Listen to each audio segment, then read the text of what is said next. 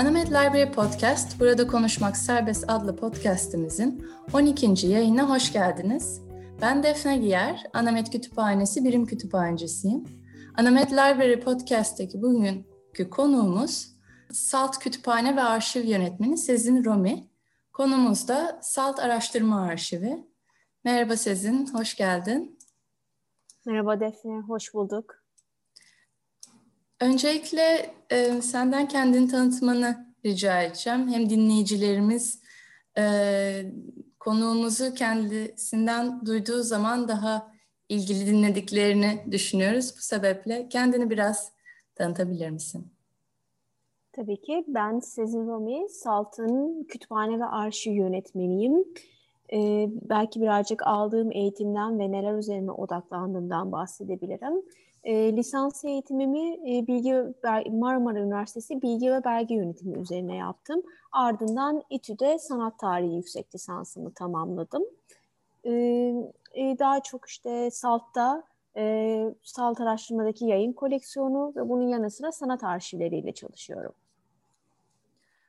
Peki ne zamandan beri çalışıyorsun SALT'ta? Bunu aslında isterim. şöyle, e, SALT kurulduğundan beri SALT'ta çalışıyorum. Fakat SALT'ın öncesinde plat, e, yine e, SALT kurulmadan önce var olan kurumlardan biri olan Platform Güncel Sanat Merkezi'nde çalışmaya başladım. Aslında ilk önce Osmanlı Bankası Arşiv ve Araştırma Merkezi'nde zorunlu stajım, ardından Platform Güncel Sanat Merkezi ve tabii ki bu kurumların faaliyeti sona erip SALT'ın kurulmasıyla da SALT'ta devam hı hı. ettim. Yani bir 2006-2007'ye kadar burada e, öğrencilik döneminden beri buradayım aslında. Anladım. Oldukça kapsamlı bir dönem ve bir şekilde de SALT'ın kuruluş tarihiyle de iç içe. Değil Tabii mi? aslında öyle. Belki bunu birazcık da açmakta yarar var. İşte SALT araştırmanın nasıl oluştuğunu bu koleksiyonun. Evet. İşte e, sonuçta SALT 2011'de açılan, e, on, bu e, 2021'de 10. yılını kutlayacak olan bir kurum. Tabii ki 10 yıllık tarihe baktığında sahip olduğu kaynak sayısı bir hayli fazla. 100 binin üzerinde bir e, yayınlardan oluşan bir kütüphane koleksiyonu ve şu anda 1.8 milyonu aşan dijital objelerden oluşan bir arşiv var. Aslında SALT araştırmanın çekirdeğini e, demin de bahsettiğim gibi SALT'tan önce var olan ve farklı konularda çalışan kültür kurumları oluşturuyor. Bunlar Osmanlı Bankası Arşiv ve Araştırma Merkezi, Platform Güncel Sanat Merkezi ve Garanti Galeri. E, 2010'da bu kurumların faaliyetleri sona erdi ve 2011'de e, yepyeni bir kurum olan SALT kuruldu. Ve bu üç kurumun kütüphane ve arşivleri de aslında SALT araştırmanın, e, SALT araştırma koleksiyonlarının, arşiv ve kütüphane koleksiyonlarının temelini oluşturdu. Hı hı. O zaman sen bütün bu süreci aslında deneyimledin. Bu üç kurumun nasıl bir araya geldiğini ve e, SALT'ın e, oluşum sürecini. Bu süreç nasıldı peki? Hani biraz ondan bahsedebilirsen, e, hani Tabii o ki. geçiş nasıldı? Aslında şöyle benim platformda başlamam, e, işe başlamam aslında belki salt araştırmanın e, kurulacak olan saltın hazırlıkların, hazırlıklarından biriydi. Çünkü o zamanlarda işte yeni kurulacak bir kurumun bahsi geçiyordu. Tabii şu an salt detayı ve bir sürü detay belki eksikti. Ve e, ileride bu kütüphaneler bir araya gelecek gelecekti ve ben aslında o adımlardan birini uygulamak üzere orada bulundum. Platformun yine e, yıllardan beri bağışlarla, çoğunluğu bağışlardan oluşan bir yayın koleksiyonu vardı. Fakat bunlar e, nasıl diyeyim daha informal bir şekilde ziyaretçilerin işte raftan alıp okuduğu okuduğu, el yordamıyla raflarda e, bir düzenin olduğu bir sistemde e, vardı e, benim gelişim aslında bunları sisteme atmak üzereydi. Katalogla işte o zaman Osmanlı Bankası Arşiv ve Araştırma Merkezi'nin çevrimçi katalogda işleyen bir kütüphane sistemi vardı. Bunları da oraya katıp hepsini tek bir yerde toplamak ve ileride yeni kurulacak olan kurumun e, kütüphane ve arşivini e, oluşturmak üzere bir adımdı. Ee, öyle başladım. Ee, işte sistemde olmayan kitapları kataloglamaktı. Daha sonra tabii ki bir renovasyon ve restorasyon sürecine geçildi. İşte platform şimdiki Salt Beyoğlu'ndaydı.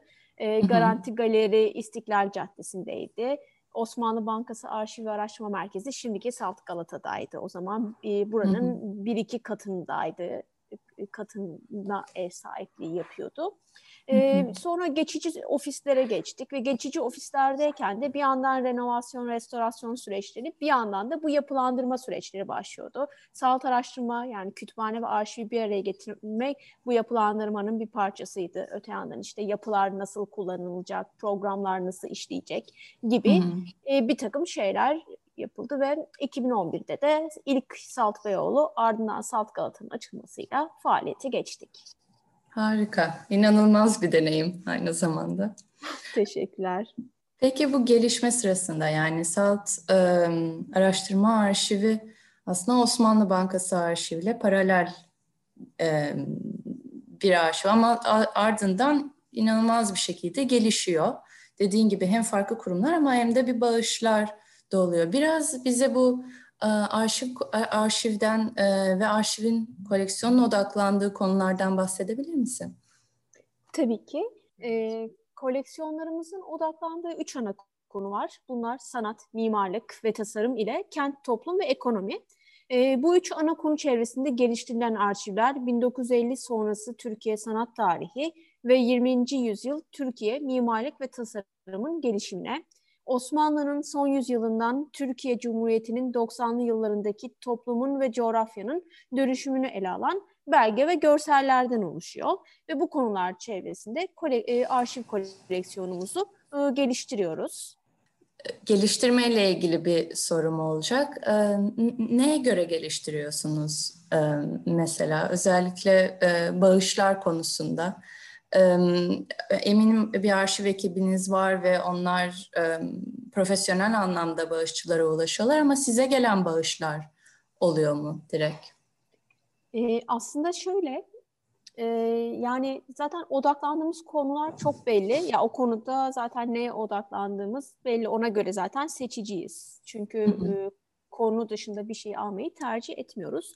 Genellikle e, arşiv sahiplerinden arşivi alıp e, dijitalleş, sayısallaştırıp arşiv sahibine orijinalleri iade ediyoruz. Hı hı. Bu seçiciliği yaparken de tabii ki aslında bu birazcık organik olarak kendiliğinden gelişen bir süreç. Direkt şöyle oluyor gibi bir formülü yok ama tabii ki e, Salt'ın yaptığı ve geçen işte 9 yıldaki e, deneyimin de bunda çok önemli. Çünkü şöyle bir şey var. İlk başlarda arşiv sahiplerini ikna edip ellerindeki arşiv istemek biraz daha e, farklı bir süreç gerektirirken belli bir süre sonra direkt aslında ne yaptığımızı duyan veya araştırmalar e, işte arşiv kaynaklarımızı kullanan araştırmacılardan gelen talepler de buna çok katkıda bulunuyor.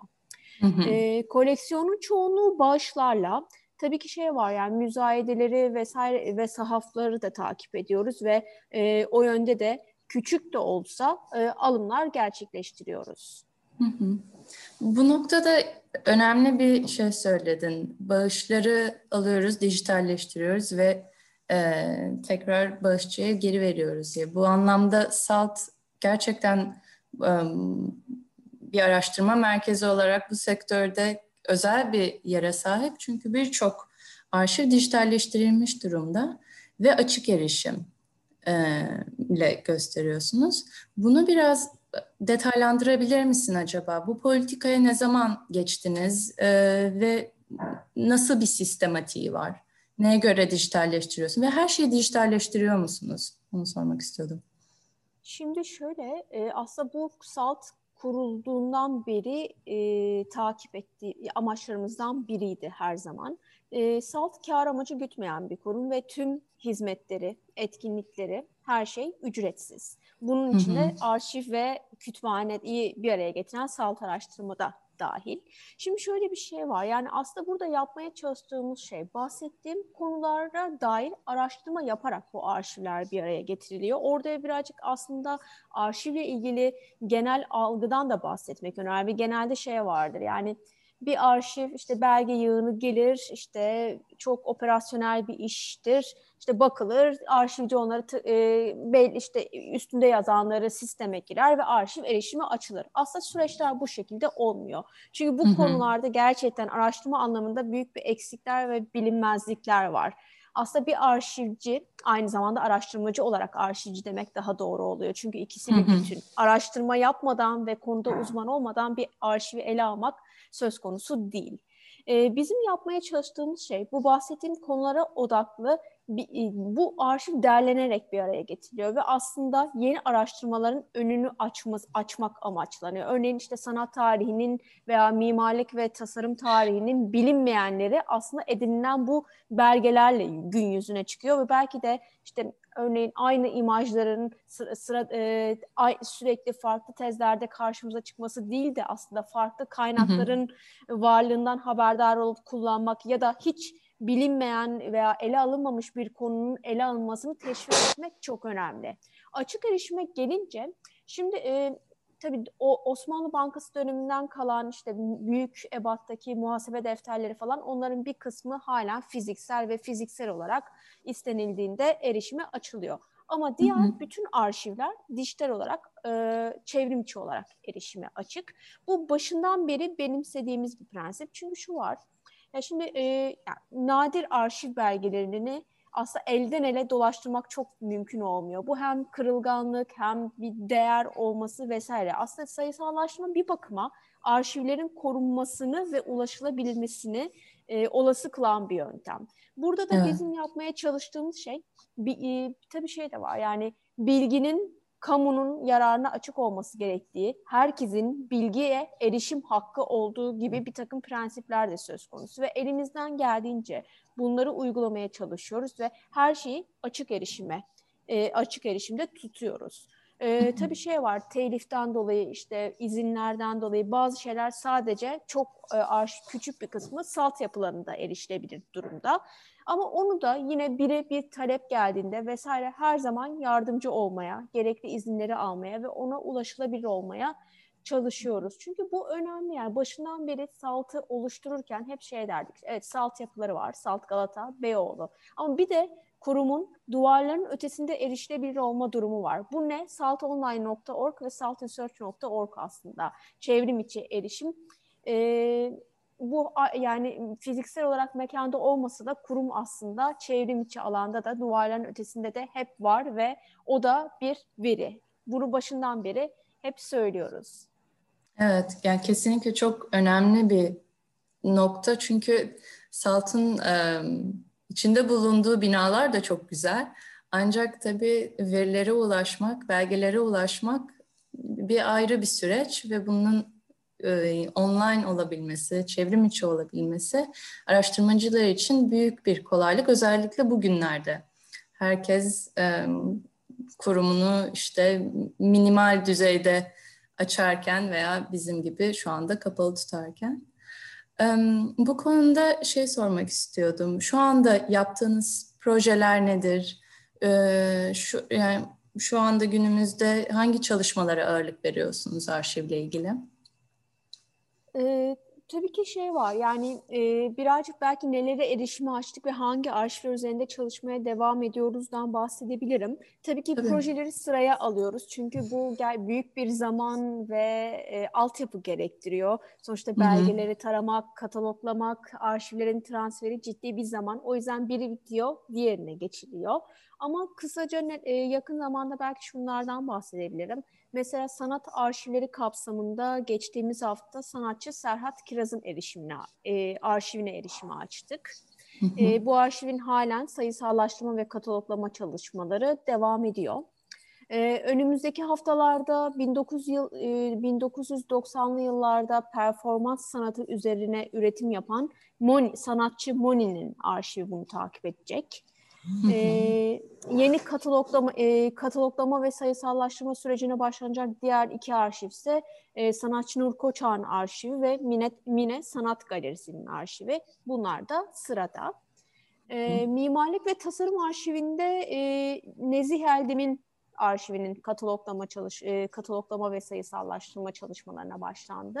Hatta şu anda Salt Galata'da bu arşiv kapsamında bir gösterim mevcut e, Nezih Eldem'in 1984'te İTÜ'de verdiği bir dersin ses kaydı ve e, hmm. yine asistanı tarafından kurgulanan bir videosu gösterimde 20 Aralık'a Çok kadar. Değerli. E, bunu yine yine bu arşiv paralelinde çeşit 2021 boyunca da çeşitli kamu programları yapılmaya devam edin, edilecek. Ee, diğer bir arşiv, mimarlık arşivinde ele alınan Mimar Şevki Pekin'e ait. Bunun da yine kataloglama ve sayısallaştırma süreci başlandı. Ee, geçtiğimiz yıllarda Kadir Has Üniversitesi ile ortak yürüttüğümüz İstanbul Ansiklopedisi arşivi var. Bu devam ediyor. Ee, Ariti ile işbirliğinde olduğumuz American Board arşivinin kataloglama ve sayısallaştırması devam ediyor. Ee, öte yandan gazeteci Ömer Sami Coşar'ın arşivi buna eklenecek, e, yine arşivlere eklenecek. Yine e, şeylere de bir yandan fotoğraf ve kartpostal arşivini de e, geliştirmeye, özellikle bu daha çok müzayede ve sahaflardan küçük alımlarla bu da bir yandan geliştiriliyor.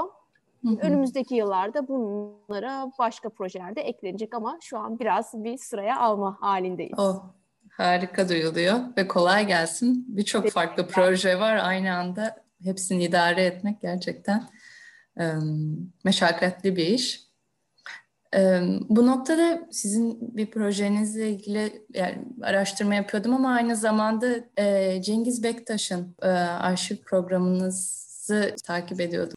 Yani bir yandan da bütün bu projenin ne kadar değerli olduğunu belki dinleyicilere şöyle açıklayabiliriz. Hani bir arşiv sadece olan biten işlerin kataloglanması değil ama ancak e, şu anda yapılan işlerin de bir yandan takip edilmesi, onların kataloglanması yani şu anı e, koruyabilmek.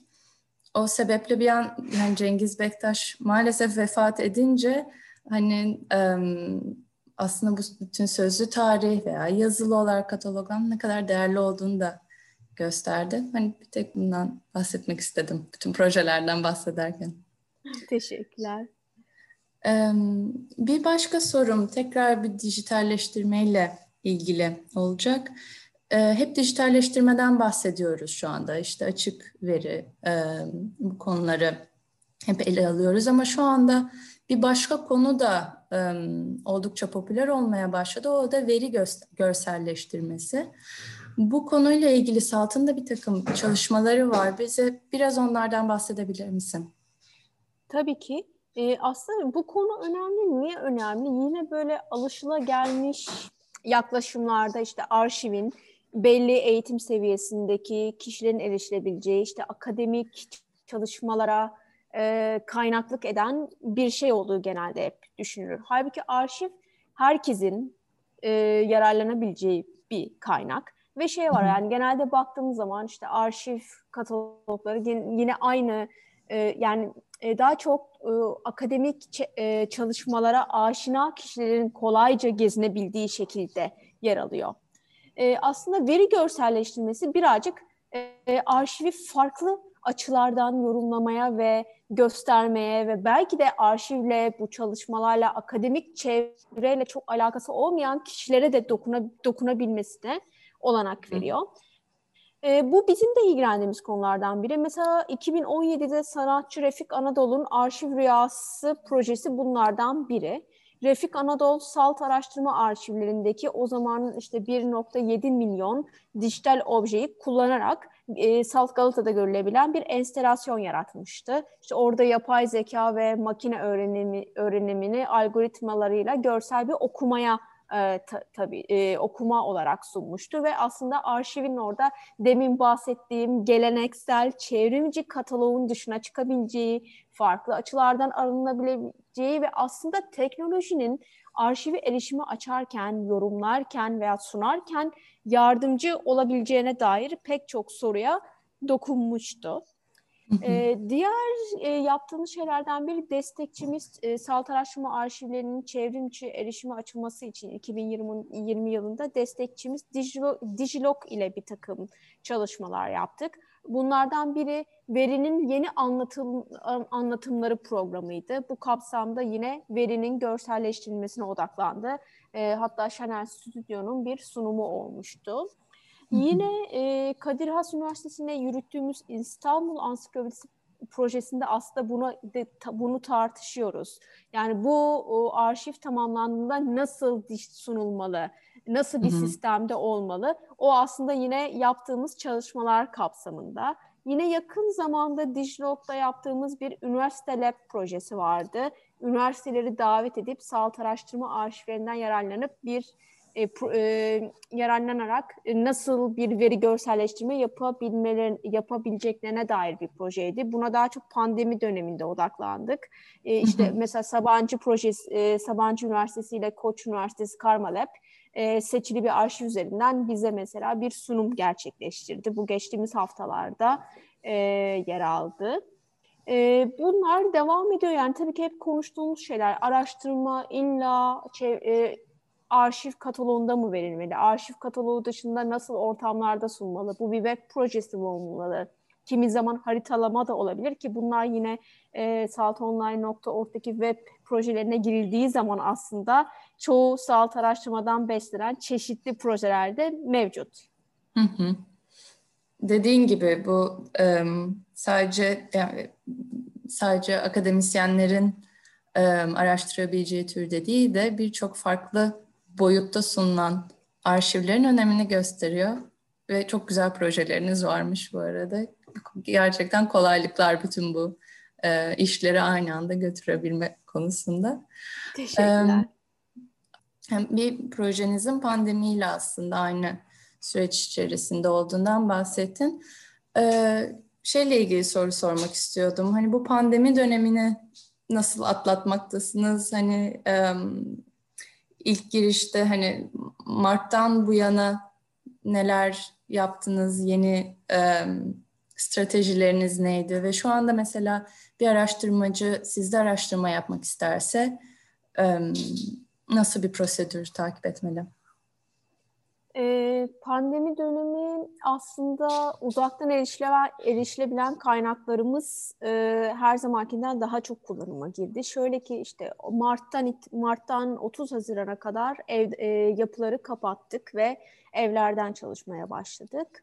Bu süreçte aslında çevrim içi kaynaklarımızı ön plana yani da, e, daha çok ön plana çıkartmaya çalıştık ve arşive baktığımız zaman işte salt araştırma bir e, fiziksel mekanlarda erişilebilen bir yayın koleksiyonu ve aslında her zaman başından beri çevrim içi her yerden erişile, erişilebilen bir arşiv koleksiyonu bir araya getiriyordu. Pandemi döneminde çevrim içi koleksiyonlarının e, kullanımı raporlarda ve istatistiklerde e, arttığı gözle görülebiliyor. Öte yandan yine çevrimçi projelerimiz devam etti. İşte bu blog, kimi zaman bir blog yazısı oldu.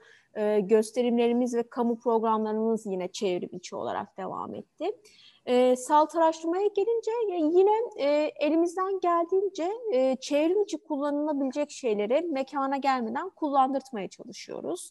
Ama 30 Haziran'da e, yapıları açtık ve salt araştırma mekanı randevuyla kullanıcıların kullanımına açıldı. Burada da kriti, e, amacımız gerçekten yayın koleksiyonundan yararlanmak isteyen kişilerin gelip yayınları incelemesiydi. Bu halen devam ediyor. Çevrim içi olarak da e, arşivleri yine e, yeni arşivler eklemeye ve uzaktan kullandırmaya, e, gereken noktada yine uzaktan hizmet vermeye e, devam ediyoruz. Aslında o şeyden de bahsedebilirim belki. Bir yandan da sağlık araştırmayı birbirlerine sorun gibi bir proje de başlattık o dönemde. Evet, lütfen. ee, ço- e, orada da işte belli, e, biz belli konularda uzman olan çoğunluğunu salt araştırma kullanıcılarının oluşturduğu bir danışmanlar vardı ve bir online form, çevrimçi form oluşturduk. Salt araştırmada erişilebilen, erişilebilen ve sorusu olanın bize başvuracağı şekilde e, süreçlendirdik. E, o da her zaman devam ediyor. Hı hı. Ee, peki bu noktada şey sorum olacak. Randevuyla gelebiliyorlar dedin. Kütüphane yani kütüphaneye kullanabilmeleri için randevuyla arşive gelinebiliyor mu peki? Hani Osmanlı Bankası arşivine e, de araştırma yapmak isteyen birisi. Aslında şöyle bütün arşivlerimiz zaten saatresearch.org üzerinden çevrim içi erişime açık. Hatta şeyi de söyleyebilirim. Direkt arşivin erişime o, o, açık olduğu ya da e, yani saltresearch.org'da e, arşiv ve kütüphanede aynı anda arama yapılabiliyor. archives.saltresearch.org'a girildiği zamansa e, direkt e, arşiv kaynaklarına erişilebiliyor. Bu zaten her zaman çevrim içi erişime açıktı. Aslında mekana gelinse de uzaktan da erişilse, erişilebilse buna erişim yöntemi aynı. E, o yüzden yani e, bir fiziksel arşiv e, incelenmesi gereken bir fiziksel arşiv söz konusu değil. Bu yine e, çevrim içi başından beri çevrim içi aslında. Tamam. Hayır, Osmanlı Bankası'nın arşivi e, o da sadece, onun içinde. O da onun içinde tamam. Tabii Osmanlı Onu... Bankası arşivde bir tek Osmanlı Bankası arşiv kapsamında e, sayısallaştırılmayan bir takım muhasebe defterleri vesaire var. Onlar da yine aynı yayın talebi gibi e, e, başvuru formuna yazılıyor ve araştırmacının masasının üzerine hazırlanıyor gel, e, gelmeden önce ve o şekilde inceleyebiliyor ama çoğunluk zaten yani e, tamamına yakını zaten çevrim içi. Tamamdır, harika. Umarım dinleyicilerimiz buradan direkt e, web sitesine ulaşırlar ve oradan e, istedikleri kaynaklara ulaşırlar. Bu noktada o zaman kapanış sorusunu sormak istiyorum. E, dinleyicilerimize tavsiye edebileceğin kaynaklar var mı? Varsa nelerdir? Senin yararlandığın ve e, dinleyicilerimizin de yararlanabileceğini düşündüğün. Dinleyicilerimize e, Salt'ın yeni kitabı Cengiz Çekil'i tavsiye etmek istiyorum. Bu kitap Çekil'in e, tüm üretimini, e, as, e, ak, e, akademik yaşamını, eğitimini, hocalığını ele alan çok kapsamlı bir yayın. E, yayın e, Merve Elveren ve Ezgi Arıduru'nun editörlüğünde hazırlandı. E, e, buna Ahu Antmen, Sevgi Avcı, Vasıf Kortun, Sarah Neil Smith'in yazıları ile Vahap Avşar ve Hans Ulrich Obrist'in söyleşileri eşlik ediyor. Türkçe kitapla beraber bir de Cengiz Çekil Okulu diye bir ek kitap var. Bu ek kitap öğrencisi sanatçı Vahap Avşar'ın 1995'ten itibaren 1995'ten 2000'li yıllara kadar e, sanatçıyla farklı zamanlarda ve yerlerde gerçekleştirdiği söyleşileri e, söyleşilerden kurgulanmış bir kitap ve aslında çok güzel bir okuma aynı zamanda. Hem Cengiz Çekil'in sanat yaşamına hem de aslında e, keyifli bir okuma olarak değerlendirilebilir. Aynı zamanda bu yine e, Salt Araştırma'da Cengiz Çekil arşivi var. O da yine bu kitabın oluşumunda yararlanılan kaynaklardan biriydi. Çok teşekkür ederiz. Gerçekten e, hem güncel e, hem de çok bonusu itibariyle çok güzel kitaplar. Bunları sosyal medyamızda podcastimizi paylaşırken e, açıklamalar kısmında yazacağım. Dinleyicilerimiz de oradan e, kitapların başlıklarını ve içeriklerine erişebilecekler. E, sevgili Sezin çok teşekkür ederim podcastimize katıldığın için. Gerçekten keyifli ve çok bilgilendirici bir sohbetti. Böylelikle umarız ki dinleyicilerimiz e, Salt Araştırma Arşivi ile ilgili biraz daha detaylı bir bilgiye erişmiş olurlar. Değerli dinleyicilerimiz bu podcastimizi e, Spotify üzerinden dinleyebilirsiniz. Geçmiş podcastlerimizi yine Spotify'dan erişebilirsiniz. Aynı zamanda bütün podcastlerimizi Anamed Library web sitesine koyduk. Oradan da erişebilirsiniz. Önümüzdeki ay görüşmek üzere. Çok teşekkürler.